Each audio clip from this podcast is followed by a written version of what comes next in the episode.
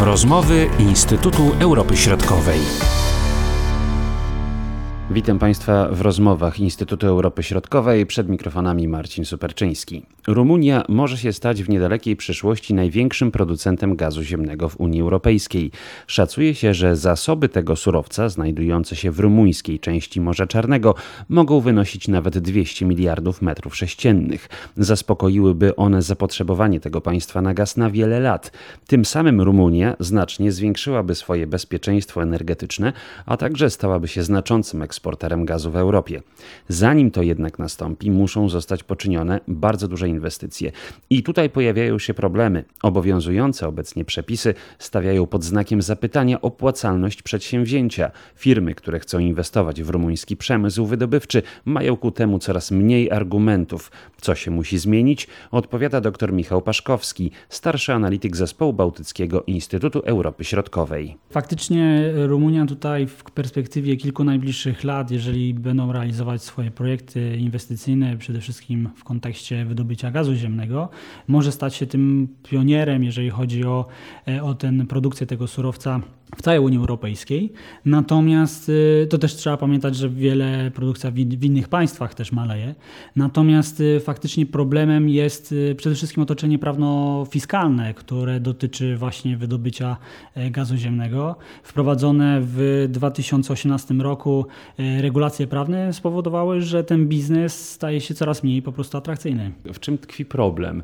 No bo wydaje się, że jeśli mamy taki potencjał i możemy na tym bardzo dużo zarabiać, no to zrobić wszystko, żeby właśnie te regulacje e, natury formalno-prawnej były jak najbardziej przyjazne do inwestowania. Okazuje się, że tak nie jest. No i właśnie w czym tkwi problem? Problem tkwi w tym, że tego typu państwa wymagają dużych inwestycji około biznesowych, tak jakby około e, energetycznych.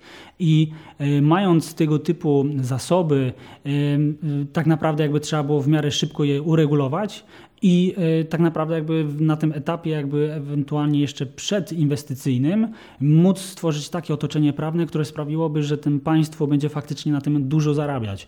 I to jest chyba po prostu problem, że prowadzenie już na y, pewnym etapie, nie początkowym, ale gdzieś w trakcie te regulacje prawne, one po prostu odstraszają w tej chwili po prostu inwestorów. A y, wiadomo, że te, te, te złoża, o których też dyskutujemy, one po prostu, to otoczenie biznesowe było całkiem inne wiele lat temu i w tej chwili chwili po prostu właśnie to jest, to jest ten problem, że chęć zysków budżetowych jest ważniejsza niż właśnie realizacja tych długofalowych projektów inwestycyjnych. Czyli strona rządowa jest zainteresowana tym, co tu i teraz, a nie co w perspektywie. Na pewno jest zainteresowana dużymi wpływami budżetowymi z realizacji tego typu inwestycji. Co trzeba byłoby zrobić właśnie w tym otoczeniu, tym biznesowym dookoła? Co jest tutaj priorytetowe? E, przede wszystkim, o ile pewnie nie cofnięcie tych regulacji, które zostały wprowadzone w 2018 roku, to na pewno jakby sprawienie, że ten biznes będzie po prostu opłacalny w kontekście fiskalnym, bo tak naprawdę dla, dla firm, które tam inwestują, no, liczą się po prostu pieniądze i sprawienie, żeby te dochody, które były przyjmowane na etapie opracowania chociażby zagospodarowania złoża, na etapie przedinwestycyjnym, żeby one dalej na tym etapie już inwestycyjnym, że one by się spinały, bo w tej chwili po prostu te regulacje prawne i przede wszystkim fiskalne powodują, że ten biznes nie do końca jest po prostu opłacalny. Czyli są te obciążenia finansowe, rozumiem, które muszą ponosić inwestorzy. Jak duże są te obciążenia, jeśli chodzi, czy możemy tutaj dokonać pewnego takiego porównania, ile trzeba procentowo płacić za to, żeby no właśnie zainwestować? E, no to są akurat bardzo duże kapitałochłonne przedsięwzięcia, biorąc pod uwagę, że to są pod, złoża podmorskie, to jest ten clue, jakby te najważniejsze projekty w tej chwili realizowane w Rumunii. E, tutaj sama firmy, dwie firmy, które jakby są odpowiedzialne za realizację zagospodarowania złoża Neptun.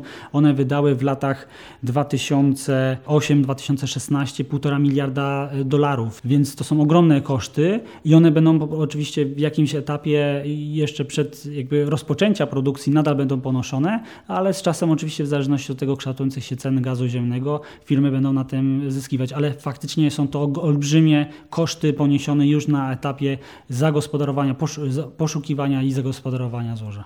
Czy są jakieś przesłanki świadczące o tym, że to środowisko właśnie formalno-prawne będzie się zmieniać, czy to jest na razie na zasadzie tylko dyskusji? Pierwsze, y, faktycznie jakby to otoczenie lekko ulega zmianie. Po, po, po wyborach y, parlamentarnych w ostatnim czasie, w 2020 roku wprowadzono niewielkie modyfikacje tej, tej ustawy, która została wprowadzona właśnie w 2018 roku, która była bardzo niekorzystna i nadal jest niekorzystna dla sektora wydobywczego.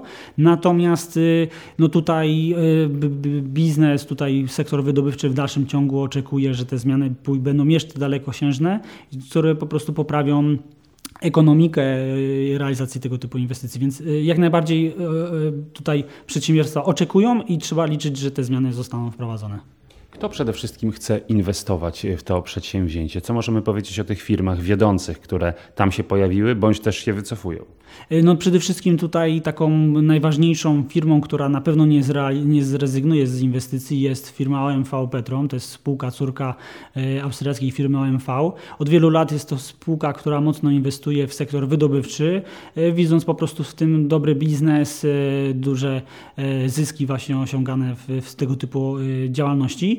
Natomiast tutaj jakby jest, oczywiście uczestniczą też firmy zagraniczne, inne jak chociażby ExxonMobil, który podjął już decyzję o wycofaniu się z tego projektu właśnie z uwagi na to niekorzystne otoczenie y, prawno, y, prawno-fiskalne. No i tutaj ta, ta firma jakby y, państwowa, Romgas, która wchodzi w, w udziały tutaj ExxonMobil, firma państwowa, więc w jakimś tam zakresie jest to po prostu rozwój krajowego rynku sektora paliwowego i gazowego. Jeśli ten rynek, jeśli ta przestrzeń wydobywcza zostanie odpowiednio zagospodarowana, na ile zmieni się ta sytuacja, jeśli chodzi o pozyskiwanie tego paliwa w samej Rumunii, a na ile wpłynie na rynek ogólnoeuropejski? Y, wydaje mi się, że ten projekt zagospodarowania złoża Neptun, ale też inne realizowane właśnie jakby projekty rumuńskie trzeba patrzeć trochę w, wierszej, w szerszej perspektywy. Y, przede wszystkim Rumunia y, oprócz wydobycia krajowego bardzo rozbudowuje też połączenia gazociągowe. Też planuje budować gazociąg Brua, czyli umożliwić sobie tak naprawdę pełnienie funkcji tranzytowego dla gazu ziemnego z południa Europy, tutaj między innymi z Azerbejdżanu, a w przyszłości być może z, z Izraela. Więc faktycznie jakby tutaj wiele jest po prostu realizowanych projektów i pozycja generalnie Rumunii jako tako jakby bezpieczeństwa ulegnie bardzo dużej zmianie, ale też trzeba pamiętać, że biorąc pod uwagę ten konkretny projekt, jest to na tyle duże złoże, które zmieni nie w jakimś zakresie, oczywiście nie w w dużym, jakby, to nie są oczywiście złoża porównywalne do jakby zasobów tutaj rosyjskich, ale na pewno jakby zmieni tutaj otoczenie makroekonomiczne, zmieni otoczenie biznesowe w tej części Europy. Chyba co najważniejsze z punktu widzenia rumuńskiego, to wpłynie na bezpieczeństwo energetyczne kraju. Tak, zdecydowanie. Biorąc, tak jak wspomniałem, realizację innych projektów, pozycja i bezpieczeństwo energetyczne Rumunii ulegnie bardzo dużemu, można powiedzieć, wzrostowi. Czy możemy mówić o jakichś perspektywach czasowych, jeśli chodzi o te kwestie wydobycia gdzieś w przyszłości, czy to na razie trudno jeszcze określić? Znaczy, jeżeli chodzi o konkretnie ten projekt y, zagospodarowania złoża Neptun, to y, jakby decyzja inwestycyjna, ostateczna decyzja inwestycyjna to jest pierwszy kwartał 2022.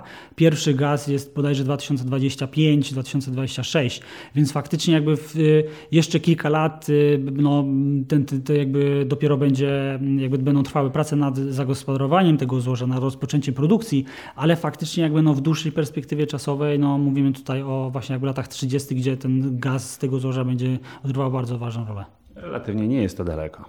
Nie, zdecydowanie, a biorąc pod uwagę, że do tego czasu powstaną różne inne jeszcze pewnie gazociągi, chociaż oczywiście tutaj e, ostatnie sygnały, że Unia Europejska przestanie finansować projekty inwestycyjne w zakresie gazu ziemnego, no, są pewnym problematycznym jakby tutaj, ale jakby jeżeli nie uległoby to zmianie, to faktycznie poprzez rozwój e, tych e, połączeń infrastrukturalnych e, wiele państw w regionie może korzystać na tym.